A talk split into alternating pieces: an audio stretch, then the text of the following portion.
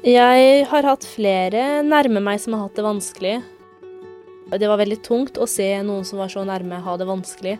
Av den grunn av at man vil jo så gjerne hjelpe til. Man vil kunne gjøre noe, men så føler man seg så hjelpeløs for at hva kan man gjøre for at den andre personen skal få det bra?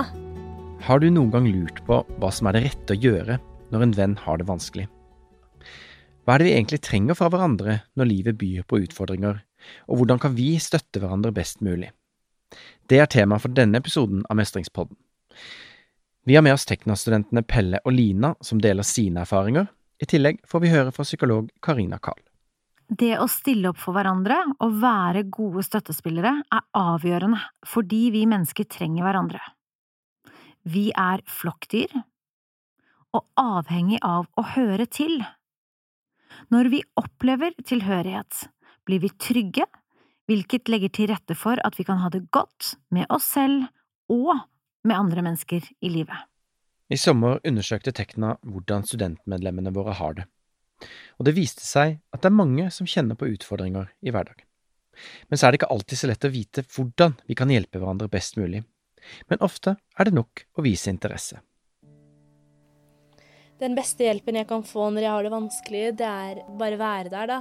Bare vise meg at du du er der både fysisk og psykisk. Det at de er villige til å tilbringe tid med meg, og at jeg blir stilt spørsmål som er reelle spørsmål. Sånn 'går det bra med deg?' og så venter de på et svar.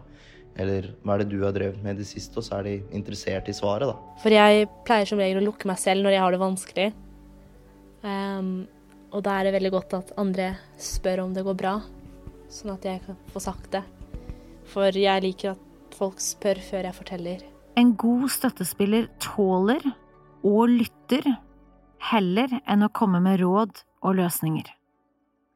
Ofte får vi et behov for å løse egne eller andres utfordringer, men som oftest trenger de fleste av oss først og fremst å få dele, bli lyttet til, bli akseptert og tålt, selv om vi har det sånn som vi har det.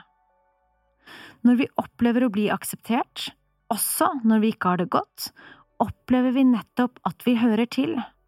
Vi har en plass med alle våre feil og mangler. Dette i motsetning til å passe inn, som handler om å skulle være noe bestemt, og leve opp til det vi tror forventes, for å ha en plass. Det verste jeg kan høre, tror jeg, hvis jeg har det vanskelig, er nok enten bare at det går over, og så tar de det ikke seriøst, eller at kanskje bare de spør går det bra, men så forventer de bare et ja-svar, og så er de ikke villige til å ta imot et svar de får, da. En god venn bør unngå å komme med enkle tilbakemeldinger som ta deg sammen, eller ja, det går over. Det ville du sannsynligvis ikke sagt til noen med for eksempel en kreftdiagnose eller en annen alvorlig sykdom. Lignende utsagn kan gi en opplevelse av skam som personen nok har mer enn nok av fra før. Skjønner ikke at du har det så jævlig, tenk på alle som har det mye verre enn deg, da. Dette utsagnet kan gi skyldfølelse, som også nok er noe personen har fra før. Tenk at du skal være et medmenneske. Du kan eksempelvis spørre Hvordan kan jeg støtte deg best mulig nå? Hva trenger du fra meg? En gang en støttespiller har vært veldig avgjørende i mitt liv, eh, var når eh, jeg og eksen min vi slo opp. Så hadde jeg det veldig dårlig en liten periode. Da hadde jeg en kompis som eh, hang veldig mye med meg, og han gjorde at jeg på en måte aldri følte meg ordentlig ensom. Fordi vi hang alltid sammen rundt mange venner, og da ble jeg aldri helt alene, da. Det å være til stede for hverandre virker å være det vi trenger. Men hva gjør vi dersom det oppleves belastende utover det ubehaget vi føler over ikke vite helt hva vi skal gjøre. Jeg har opplevd å være støttespiller for eh, mange av vennene mine, og det Det har vært vanskelig, det òg, i tunge perioder. Når man har det tungt selv og skal være støttespiller for noen. Har eh, vært veldig psykisk krevende, men det er eh, Men det er viktig å å være der for hverandre, da. Og sammen klarer man å gå gjennom alt. Som støttespiller er det viktig å sette grenser og ta vare på deg selv.